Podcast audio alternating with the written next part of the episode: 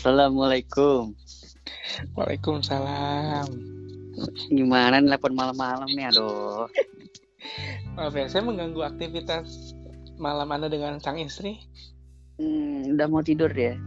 Hmm, lagi nggak ko- lagi nggak kode-kode kan? Enggak, lagi hamil gak bisa, Pak. Oh, lagi nggak. Ya, Pak. Apa maksudnya kode-kode untuk dikloning? Oh, itu ya. Nanti lah. Gimana? Kehidupan setelah menikah? Setelah menikah bahagia dengan beberapa proses adaptasi. Aduh, Gue mendengarnya dengan kalimat dan nada yang agak terpaksa ya. Loh, enggak, emang emang emang perlu penyesuaian yang awalnya em, self-centris terus menjadi seseorang yang lebih mengalah itu tuh proses yang sangat berdarah. Jadi harus siap mengorbankan hal yang aku nggak menyangka harus dilakukan itu. Seperti apa tuh mengorbankan apa tuh? Ya, mengorbankan kayak misal eh, kan gue sempat cerita tuh soal mau berkarir di tempat lain ya. Hmm. um, di, di luar tempat kerja sekarang dari perusahaan Jepang dan sebenarnya dia pengen di Jakarta. Ya, as usual gajinya oke. Um, dia menawarkan boleh remote mungkin um, apa Kamis Jumat Kamis Jumat di Bandung, jadi Senin Selasa Rabu di Jakarta sama target tercapai nah, kayak gitu.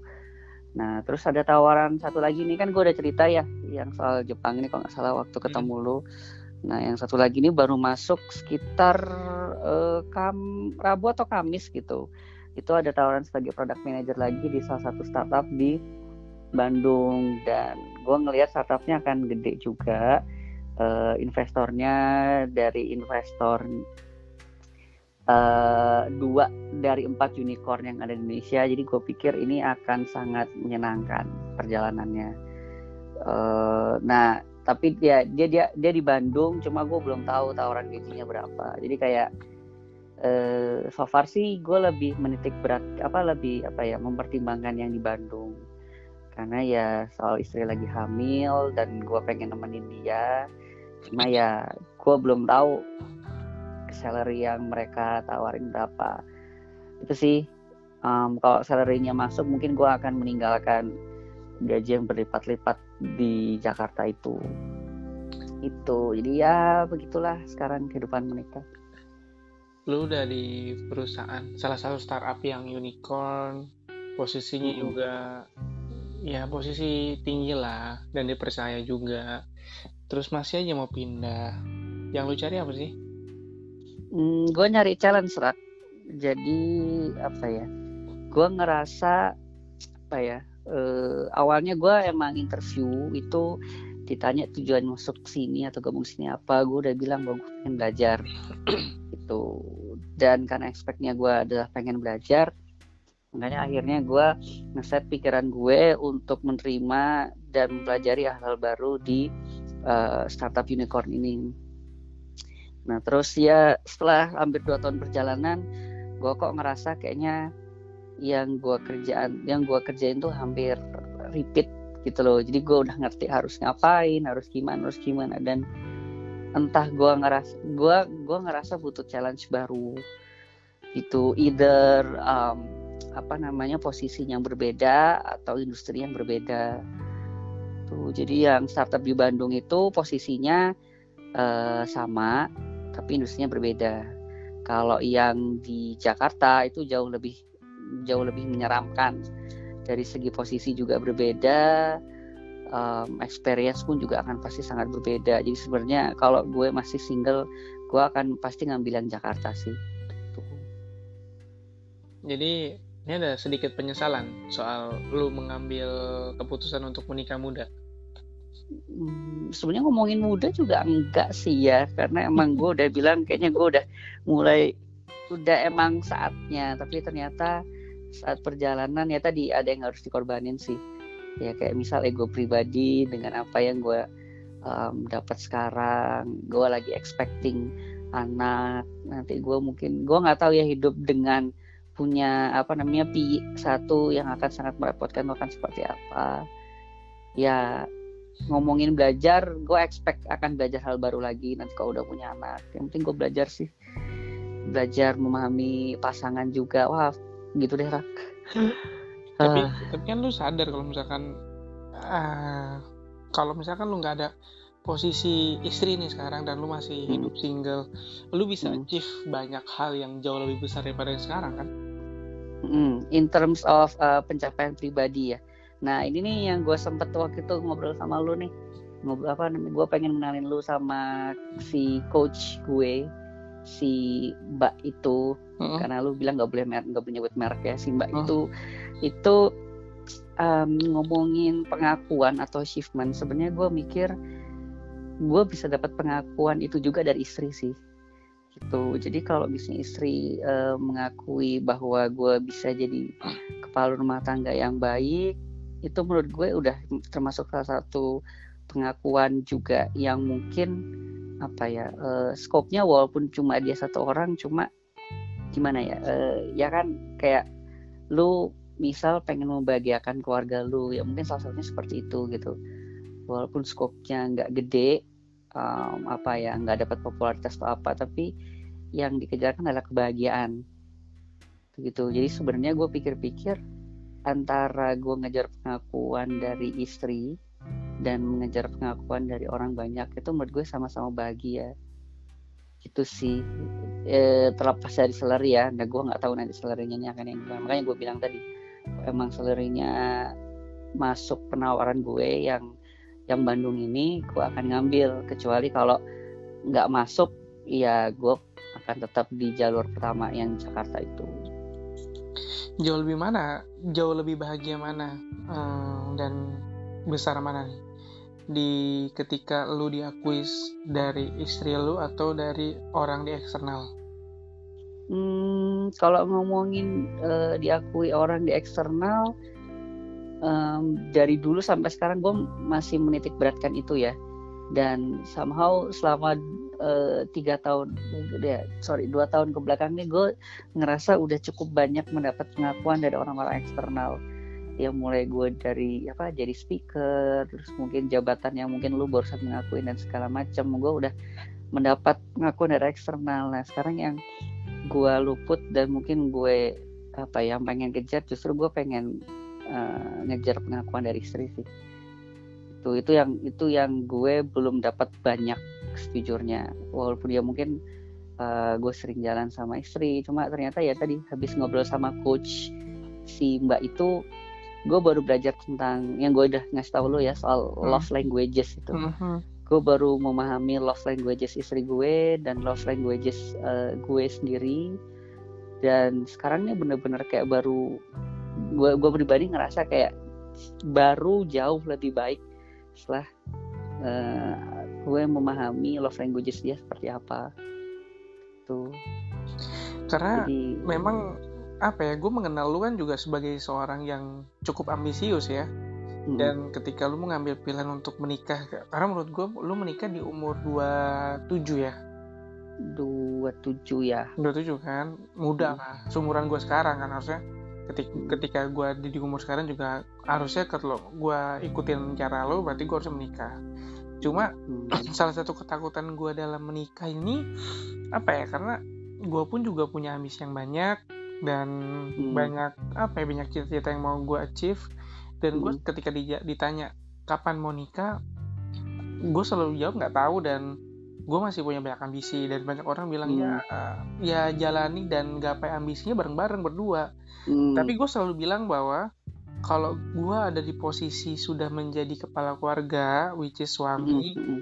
semua keputusan itu adalah kaitannya dengan istri dan anak gue kelak gue nggak bisa hmm. egois untuk hmm, bisa setuju. untuk bisa apa ya bisa egois untuk achieve ambisi gue even hmm, hmm. ketika istri gue pun dengan merelakan ya udah ayo uh, kita sama-sama gapai ambisi kamu mas gitu misalkan tapi kan hmm. ini bukan cuma soal seorang raka lagi gitu kan ini ada seorang hmm. pria hmm. wanita lagi di belakang dan anak mungkin nanti gitu loh nah hmm. nah lu sekarang ada di posisi seperti itu gak sih kayak aduh gue harus merelakan ambisi A B C D yeah, gitu yeah. untuk mm. untuk bisa untuk bisa berdamai dengan keadaan lu sekarang. Hmm. Ya setuju sih uh, soal harus ngalah dulu ya. Tapi ada fakta menarik rak. Kalau misalnya lu bisa bernegosiasi dengan uh, istri kondisinya kan gue cerita ini nanti kan gue akan ke Korea ya hmm. karena nemenin istri kuli kuliah. Gue sempat cerita beb kalau misal nih uh, ya kemarin sih ngobrolnya pas itu ya yang perusahaan Jepang itu.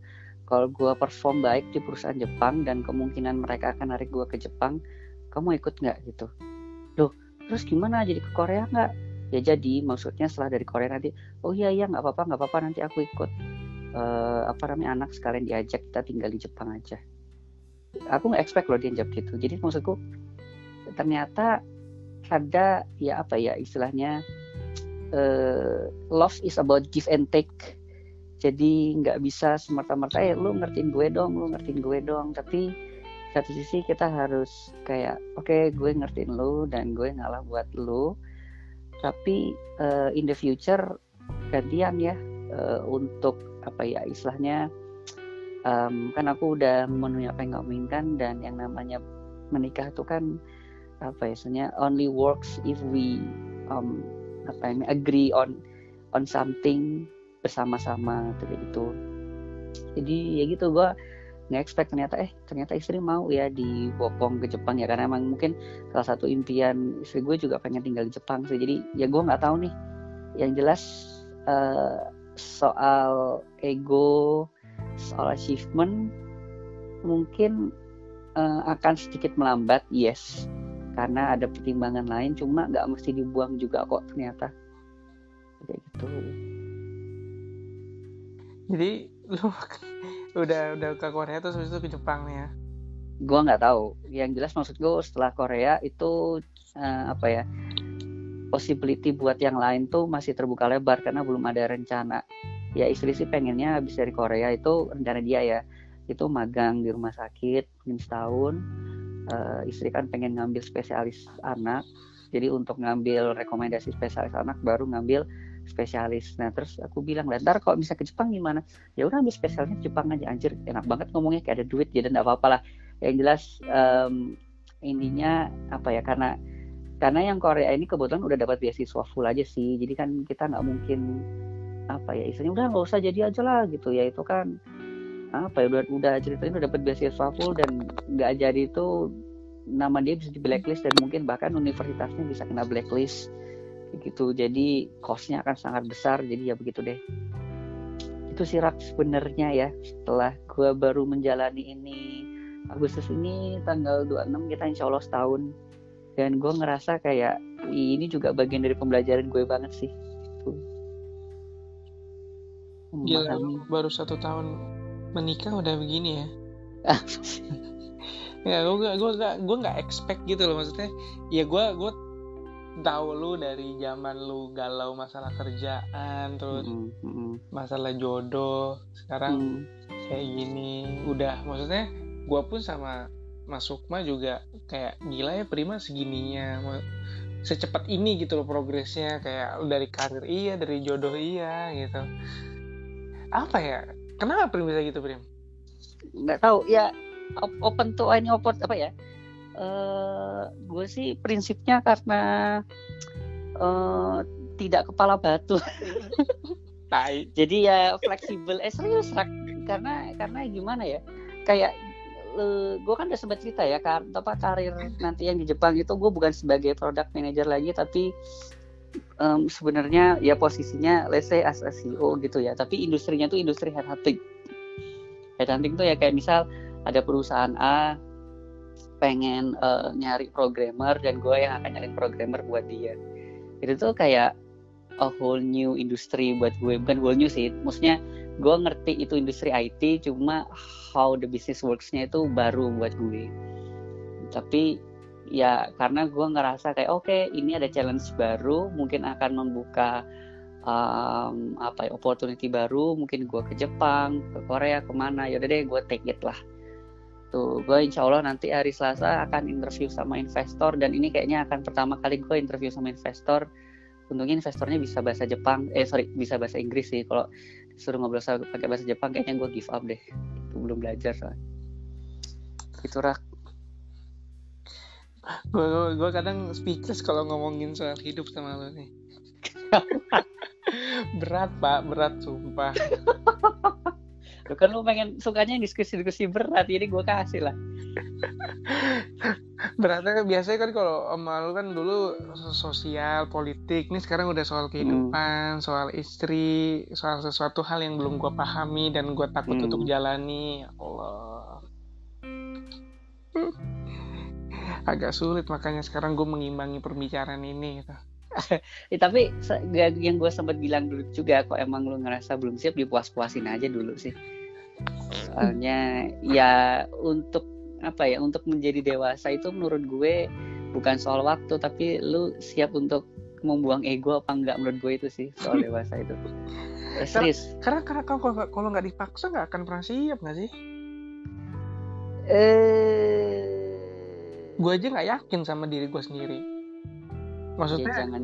nggak maksudnya gini ketika ya sekarang gue merasa tadi kayak gue tadi gue bisa ngobrol sama sama seorang temen juga dan gue bilang kayak hmm. masalah gue sekarang kayaknya masalah quarter life crisis yang berkelanjutan gitu tuh kayak hmm. Seven dan aku masih quarter life crisis kayaknya kayak nggak mau nggak hmm. tahu ke arah mana terus hmm. karir juga nggak nggak nggak masih masih belum stabil dan apa keadaan di rumah juga masih kacau jodoh hmm. juga nggak tahu nih gitu kan jadi hmm. kayak quarter life crisis yang sudah dua tahun melanda ini dan makin makin apa ya makin berat jadi gue nggak ada nggak ada keyakinan untuk bisa ngejalanin kayak ya kemarin gue juga cerita sama lo kayak aduh gue capek deh gue hmm. gue dua hari ini nih sabtu minggu ini gue gue untuk pertama untuk sabtu sih kalau untuk hari minggu gue udah udah satu bulan ini gue selalu di rumah memang udah spend waktu hmm. untuk untuk nyokap di rumah hmm. cuma hari Sabtu tuh kemarin tuh pertama kalinya gue selama berapa tahun gue bener-bener di rumah hmm. spend uh, the time sama nyokap terus sorenya hmm. gue baru cabut keluar kayak hmm. anjir iya ini gue asik kayak apa ya gue kangen sama kehidupan ini dan kayak hmm. dua hari ini gue merasa duh apa gue stop aja ya kayak capek gitu loh dan hmm. kalau yang dulu-dulu kayak ada masalah gue masih masih maksudnya masalah-masalah di organisasi gue masih masih bisa handle masih bisa ngegas hmm. gitu kalau sekarang tuh hmm. ah udahlah bodo amat gitu kayak hmm. capek juga kayak kayak lu bilang gue gak dapet apa-apa gitu dan gue juga sekarang dalam dan gue sekarang juga dalam tahap ah nyatanya gue gak dapat apa-apa dan kenapa harus gue masih harus berjuang segininya sih gitu meskipun gue juga masih berkeyakinan apa yang gue tanam itu yang gue tuai cuma hmm.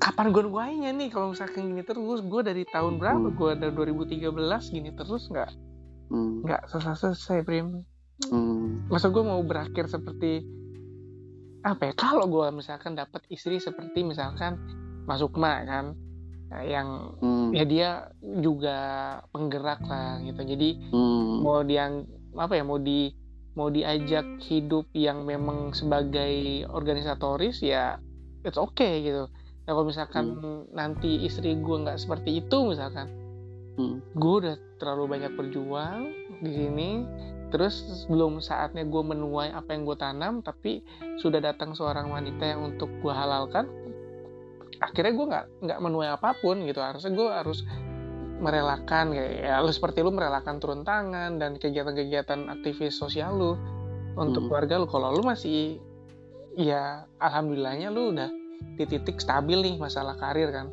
ataupun memang sudah setidaknya sudah aman untuk bisa lu jalani gitu kan hmm. kalau gue ah shit man kayak kayak the whole time gue berpikir bahwa gue gimana ya bingung juga apalagi gue anak pertama dari dua keluarga besar hmm. adik gue juga cukup mendesak gitu kan kayak hmm. Ayo mas gitu untuk masalah jodoh ya terus juga hmm. nyokap gue juga gimana nih gitu. bukan bukan jodoh doang tapi hmm. apa ya ya kayak gue sekarang jadi kepala keluarga buat nyokap gue buat adik gue juga hmm. jadi ya begitulah Prim berat bi hidup hmm. astaga ya Allah I'm with you korak gue juga ngerasain gue udah pernah cerita gue pernah dipecat dari perusahaan gue di Jakarta nggak sih? Waktu tak umur gue berapa ya? 25 25 ke 26 nggak salah.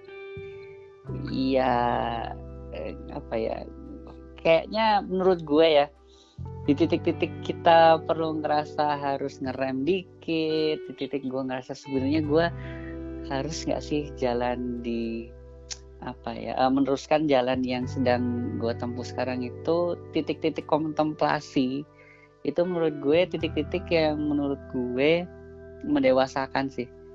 Karena di titik itu kita kan mikir sebenarnya apa yang kita lakukan ini emang benefit buat kita give happiness buat kita atau apa gitu. Jadi ya ngomongin turun tangan yes gue lepas. Gue waktu sempat mikir gini sih uh, di turun tangan tuh eh kok gue nyebut merek ya? Ya udah nggak apa lah. Nggak apa-apa gue juga udah nyebut merek ya udah itu di turun tangan gue ngerasa kayak aduh kayak gue kayak nggak dapet apa-apa nih. Tapi gue dapet kebahagiaan gue bilang gitu kan. Terus satu sisi uh, tapi ketika gue dapet kebahagiaan tapi istri gue nggak bahagia apakah itu worth? Gitu dan ketika gue ngelepas turun tangan anggaplah gue kehilangan kebahagiaan gue gitu. Tapi istri gue bahagia. Dan gue juga bahagia. Jadi sebenarnya apa yang didapat di turun tangan dari kebahagiaan tersebut gue juga bisa dapat dari istri ini in, in terms of kebahagiaan ya. Mungkin soal pengakuan atau segala macam tapi soal achievement mungkin berbeda lagi. Tapi kebahagiaan gue ngerasa makanya gue uh, apa ya uh, rela melepas turun tangan karena gue ngerasa ya kok emang gue ngejar kebahagiaan gue udah dapet kok di istri gue.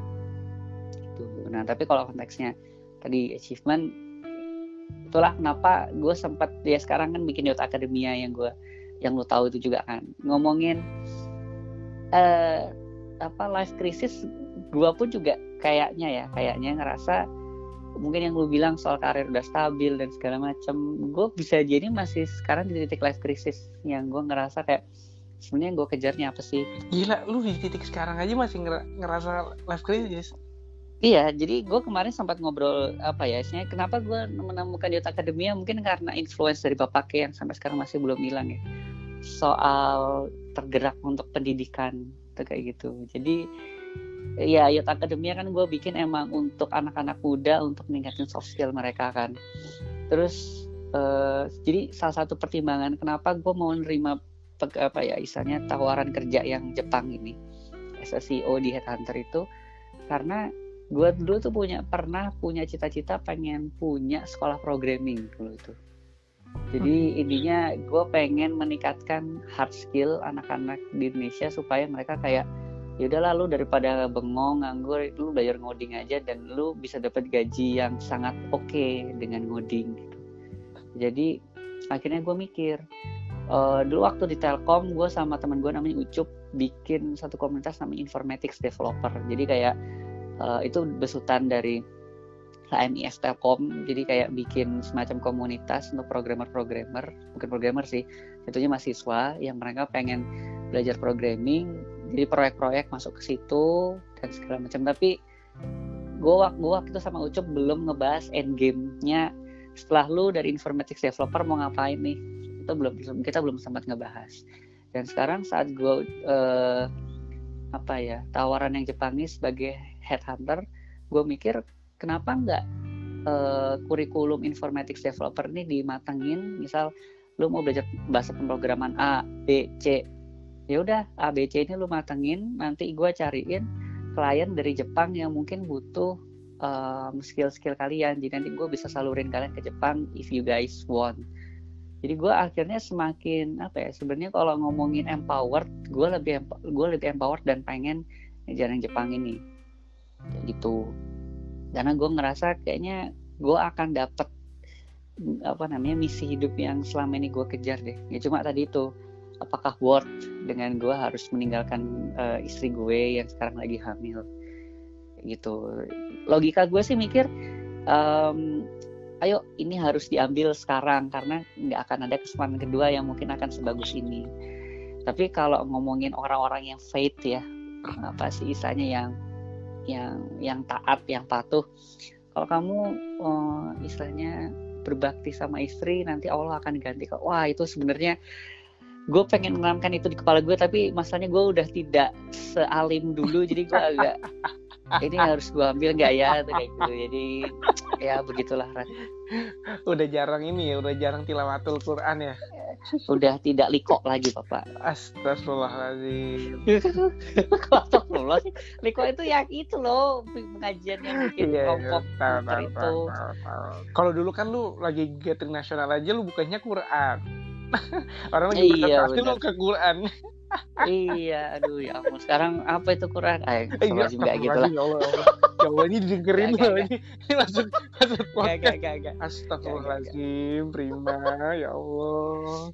Iya itu menggambarkan dua dulu gua dulu bagaimana dan sekarang bagaimana. Kau lupa ya sudah diberikan kenikmatan sama Allah sekarang lu ya, membangkang. Iya sekarang jadi uh, takabur. Astagfirullahaladzim. Tapi so far host life. Masih ini kan masih masih masih enak dijalani ya. Masih enak dijalani. Konteks masih enak dijalani mungkin kalau dari segi finansial ya. Kalau dari segi apa ya dari achievement so far kayaknya sih masih baik-baik saja. Malah gue sejujurnya di sis apa quarter 3 dan quarter 4 nih gue pengen apa ya do more dan be a speaker sih. Nggak tahu apakah bikin paper atau apa. Gue masih belum kepikiran mau ngapain ngejar achievement apa di ketiga keempat ini. Hmm. itu hmm. terus lainnya? Sekarang kalau kalau udah menikah tuh coba berkisar kerjaan dan istri ya? Gue perhatikan. Hmm, kerjaan ya pekerjaan, pekerjaan tuh include include apa achievement yang mau lu capai. Itu kan termasuk. Hmm. kalau hmm. gue kan sekarang kan kayak ya gue gue soal apa ya purpose of life gue ke depan kayak ya gue harus punya istri hmm. gue ada ambisi di tempat kerja gue punya ambisi di tempat di luar tempat kerja gue punya keluarga gue gitu. Jadi gue pun juga masih punya hobi yang mau gue jalani gitu. Kalau hmm. lu gue perhatiin cuma soal achievement atau pekerjaan dan istri. Nggak ada yang so mas so far sekarang masih kayak gitu sih. Tapi rak tadi yang soal coach tadi itu gue sempat cerita uh, intinya gini. Uh, mungkin ini gue buka sedikit ya kehidupan hmm. keluarga gue jadi uh, gue tuh kan karakternya orang independen ya. Jadi maksudku kalau misalnya ya gue kemarin sempat cerita juga kalau misalnya gue nggak ada pasangan pun sampai umur 30 sebenarnya nggak apa-apa gitu. Karena kalau ngomongin love languages gue nggak butuh yang namanya um, physical touch gue nggak butuh yang namanya um, act of service. Gue cuma butuh word of affirmation yang di mana word of affirmation adalah pujian kayak gitu. Jadi uh, dan pujian itu pasti uh, nyambung dengan achievement. Jadi gue apa ya ngomongin sama istri awal-awal ya awal-awal hidup apa hidup sama istri tuh gue nggak ngerasa bahwa gue harus attach sama dia in every life aspects gitu. Jadi kayak misal ya gue kalau mau makan dia nggak mau. Ikutnya ya udah gue jalan sendiri aja. Gue no hard feelings. Gue pulang ngerjain proyek dia langsung tidur apa gue nggak masalah. Tapi ternyata yang masalah adalah dia. Dia masalahnya tuh ya uh, dia pengen quality time sama gue dia pengen physical touch dan gue nggak ngerasa itu tuh penting buat gue. Makanya awal-awal konflik setahun pertama pernikahan tuh karena gue nggak ngerti apa yang dia butuhkan. Nah gue sempat ngobrol sama si mbak coach itu ngomong bahwa e, mbak ini gimana ya e, sampai sekarang saya sama istri masih belum menemukan apa yang harus dijalani bersama nih bilang gitu tapi udah sempat diobrolin belum prim iya mbak dulu saya sempat bilang uh, ngomongin achievement istri saya kan pinter saya tuh pengen kayak bikin semacam bisnis sama dia gitu. Nanti kan dia akan kuliah S2 farmakologi di Korea. Aku tanya, Pep, kamu mau nggak nanti beres-beres kuliah, kamu jadi apa kita bikin company, kamu jadi researchernya, aku yang ngurusin bisnisnya kayak gitu. Ya istriku dengan segala macam penolakannya kayak aku nggak mau fokus jadi researcher, aku mau jadi dosen aja dan segala macam. Nah sebenarnya tujuanku ngomong yuk kita bikin bisnis tuh supaya gue sebagai suami itu bisa attach sama dia karena dia kan pengen attach sama gue. Jadi satu-satunya cara menurut gue yang sampai hari ini gue temukan untuk attach sama istri adalah create something make something. Ya sebenarnya ruh-ruh saat kita bikin project saat kita bikin program di turun tangan sebenarnya masih kebawa ke keluarga. Cuma sekarang gue lagi agak ngomongnya sedikit ngerem ya sedang mencari jalan gimana caranya ego gue ini terwujudkan bersama bareng istri Iya iya iya. kayak gitu Inti, in- intinya lu mau mau mau melakukan dan berbuat sesuatu bersama istri gitu kan. iya supaya gue bisa attach dan Iya. gue ngomongin achievement dapet lah Iya. gitu. iya, iya. Memang itu jalanan paling baik sih.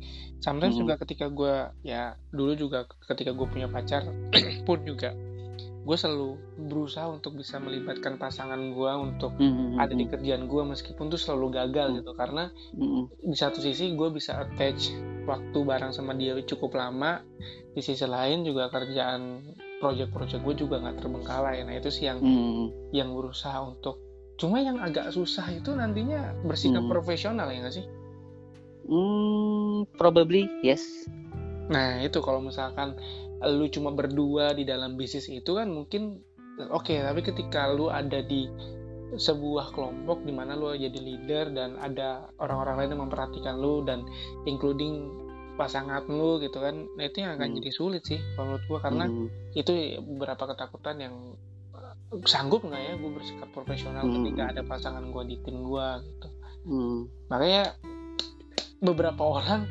beberapa orang pun juga bilang bahwa paling enak tuh dapat pasangan yang memang sama nih sama kita tapi menurut gue enggak sih gue gue Mm-mm. gue selalu beranggapan justru kalau mencari pasangan tuh harus yang beda hmm, ya nggak tahu kalau lu ngerasa beda nggak sama istri tapi gue kalau misalkan pasangan pasangan gue misalkan sama-sama penggerak nih sama-sama aktivis sosial hmm. bosan gak sih lu kayak hidup lu ya gitu-gitu aja kecuali kalau misalkan gue Hmm. dapat seorang istri misalkan eh, lulusan hukum gitu kan gue nggak ngerti Hmm. hukum akan banyak hal yang didiskusikan akan banyak variasi yang kita lakukan bersama gitu gue sih Hmm. nganggapnya seperti itu kalau lu gimana lu kan informatika dokter dok beda banget tuh Iya, udah bener kayak udah beda dunia banget sih. Jadi gue ya gimana ya orang-orang informatika tuh kan jarang hafal ya. Mereka mostly ke logika. Dokter tuh lebih banyak kehafalan dan bisa jadi banyak perasaan juga. Jadi kayak eh proses tahun memahami dunia dia itu cukup painful karena dia eh yang namanya istilah kedokteran kan banyak istilah-istilah alien.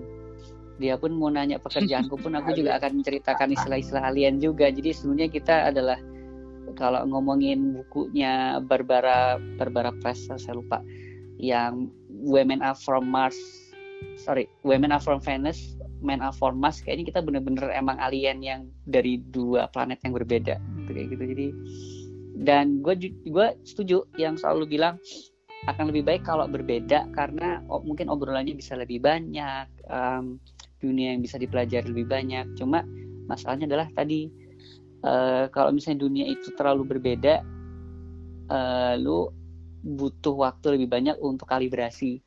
Misalnya apa ya kalau lu masuk perusahaan kan ada yang masa probation masa percobaan.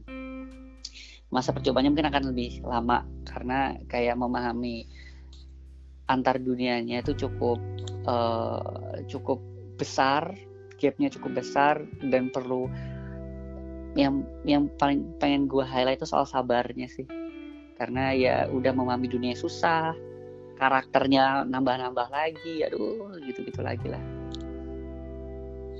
belum lagi kalau lu mau memutuskan punya anak aduh nambah lagi variabelnya.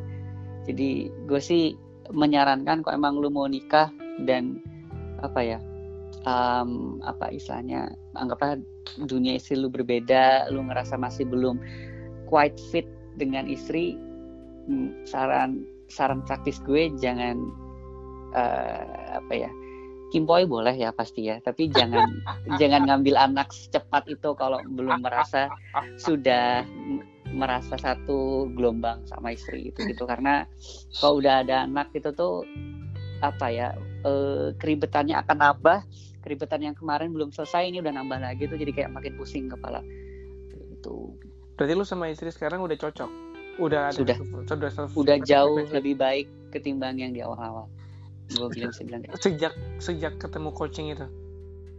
Sejak sebenarnya eh, apa ya sebelum ketemu coach pun juga udah banyak yang lebih baik sih. Jadi contoh oke okay, sorry gue nggak boleh buka aib istri sih. Jadi intinya ada satu karakter dari istri yang dulu gue nggak suka banget dan sekarang dia bisa memperbaiki itu gitu. Karena aku ngasih tahu bahwa ini nggak baik harusnya begini dan dia perlahan-lahan bisa perbaiki dan jauh lebih baik lagi setelah ketemu coach.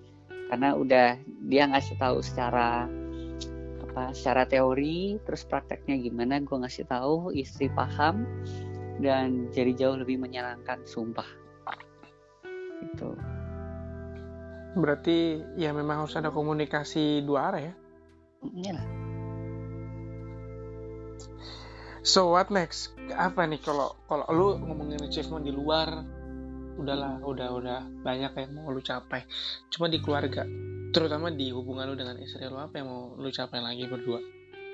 Hmm, anak, tadi ya mungkin anak, anak soal lu target mungkin lu mau punya berapa anak gitu atau lu mau nyukolahin anak lu ke mana gitu, lu punya impian? Ya kalau gue pribadi sih kemarin sih gue sempat bilang pengen anaknya tiga istri pengennya dua oh ya udahlah dua terus anak pertama sekarang kan lagi hamil anak pertama. Ini umur berapa, berapa bulan sih hamil? Jalan. Uh, tanggal 24 25 nanti ini uh, eh, 4 bulan. Oh belum bisa jadi udah ya? udah ya tapi setelah 4 bulan nanti ini udah bisa ketahuan uh, kelaminnya apa. Tapi gue sih menduga anaknya kayaknya cowok. Dari tahu, tahu dari mana dari hitung-hitungan dokter sih. Maksudnya oh ada hitung-hitungan aja. Ada hitung-hitungannya. Cuma gue nggak bisa ngomong di sini karena itu terlalu jorok jadi gue kalau ketemu sama lu aja. Jadi ada hitungan kira apa? siapa tahu pendengar gue mau mau tahu loh hitung hitungannya oke okay, yaudah gue kasih tahu ya.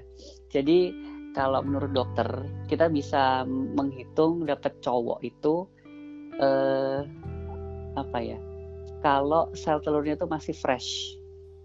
Jadi baru baru apa baru diproduksi di rahim lah itu kalau sel telurnya masih fresh kena sperma biasanya akan cowok tapi kalau cewek biasanya tuh um, sel telurnya itu sudah agak lama di uh, di ovum jadi bisa bilang agak sedikit jelek ya jadi bentar, udah bentar, udah bentar. mau udah udah Bentar, ini sel, sel telur masih fresh, itu maksudnya hmm. dia baru selesai menstruasi atau gimana sih? Gue nggak paham. Iya, sekitaran baru selesai menstruasi. Jadi kan oh. kan kalau lu nanti mau ya anggaplah lu udah mau punya anak gitu udah hmm. menikah, kan ada kalender, yeah. sistem kalender. Jadi hmm. mungkin lu mau Oke, gue nggak bisa lanjutin. Oh, Intinya, oh, jadi jadi, jadi kalau nggak apa-apa nama podcast dulu sampai tengah malam jadi kita harus jujur ya kita harus jujur keluarkan saja lima kalimat-kalimat jorok ya. gitu kalau lo mau merencanakan keluarin di dalam uh. jadi uh, ngelihat tanggal itu kan ada high pregnancy rate uh, low pregnancy rate kalau pas high itu di tanggal okay. berapa oh yang cowok kira-kira di tanggal sekian